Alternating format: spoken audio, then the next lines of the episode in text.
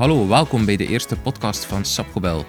Mijn naam is Pieter, ik werk hier al zeven jaar bij Sapcobel als concept- en eh, sales engineer binnen de afdeling industriële koeltechniek. En naast mij zit uh, Herwig. Welkom. Dag Pieter, mijn naam is Herwig. Ik ben 42 jaar actief in de koeling bij Sapcobel. Sapcobel is een familiale KMO opgericht in 1958, waar ondertussen de derde generatie aan het stuur zit. We zijn een koeltechnisch installatiebedrijf en servicebedrijf met een ideale mix over commerciële en industriële koeling. Bij Sapcobel hebben we niet gewacht op de uitfasering van de chemische koelmiddelen, want we zijn uh, reeds in 2005 begonnen met de natuurlijke koude middelen. Dit nu toch een, in onze slogan een van de hoofdwaardes is. En uh, die slogan... Uh... Well, die slogan is Cooling Our Nature, dat zegt genoeg, denk ik. Oké, okay, dankjewel. Eigenlijk uh, de doelstelling van de podcast vandaag is om een drietal topics te gaan bespreken die hoofdzakelijk gerelateerd zijn met energie en energieverbruik. Het eerste topic dat we zouden willen hanteren of bespreken is eigenlijk de engineering. Dan hebben we een tweede leuk over het serviceverhaal. En dan eigenlijk een derde leuk rond de warmterecuperatie. Maar uh, engineering, Herwig, wat kunnen we daaraan doen en uh, hoe zie jij dat om daar enige energievoordeel uit te halen? Ik denk, Pieter, dat we al een aantal uh, mooie projecten samen gedaan hebben.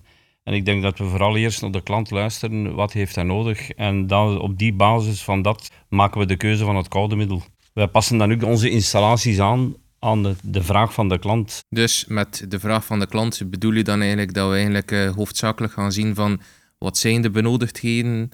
Wat zijn de mogelijkse budgetten die ervoor uh, staan? Wat zijn ja, mogelijkse beperkingen? Zie ik het dan juist zo? Het is vooral inderdaad de installatie die op maat van de klant is, wat hij wenst. En inderdaad, en daaraan een gebonden budget.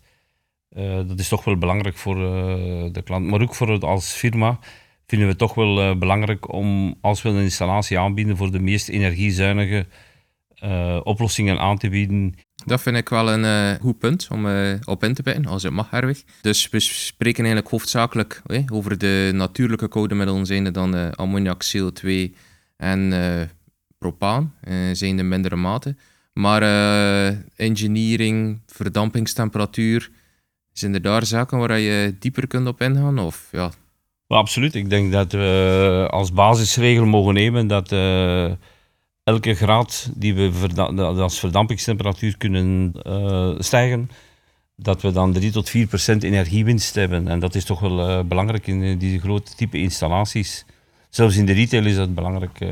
Dus kort samengevat, iedere stijging van verdampingstemperatuur is een daling van de energiefactuur met ongeveer 4 procent. Heb absoluut, ik het goed verwoord? Absoluut, absoluut. Dat heb je mooi verwoord. Ja, naast, naast de, de daling van de, van de verdampingstemperatuur kunnen we natuurlijk een aantal andere maatregelen nemen, zoals uh, optimalisatie van de condensatiedruk, het gebruik van frequentieregelingen, uh, pompsystemen, dat zich toch vertaalt in een totaal op een installatie tot een, een 30% energiebesparing.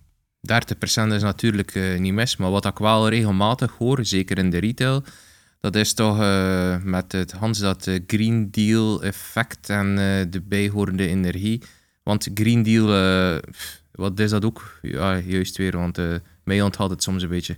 Green Deal is in feite een engagement eh, van installateurs, waarbij we in de komende jaren het, terugdringen van de chemische koude middelen gaan doen. Waarvoor we er al gaan toepassen op natuurlijke koude middelen, dan ook met de innodige energiebesparingen. Dus, als ik het goed begrijp, dan gaan we inderdaad proberen om die F-gassen terug te dringen gaan we veelal gebruik maken, zeker in de retail, van uh, eh, CO2 als codemiddel.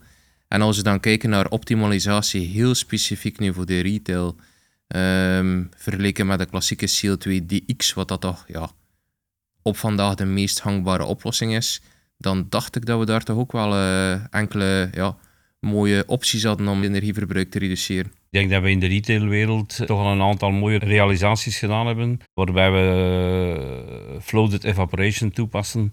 Dat we dus in feite de verdampers gaan volledig bevloeien met vloeistof, waarbij we de verdampingstemperatuur kunnen uh, een aantal graden laten stijgen.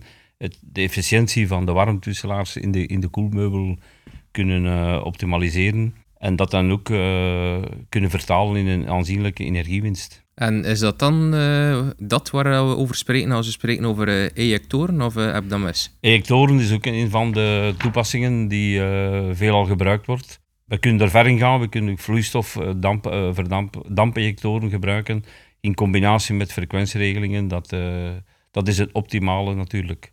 Natuurlijk, de klant, het is ook een, een ander budget als de, de klassieke DX-installaties maar anderzijds eh, moeten we toch zien dat we met onze ervaring zien dat wij de klassieke DX-installaties een kortere levensduur en een hogere onderhoudskost hebben.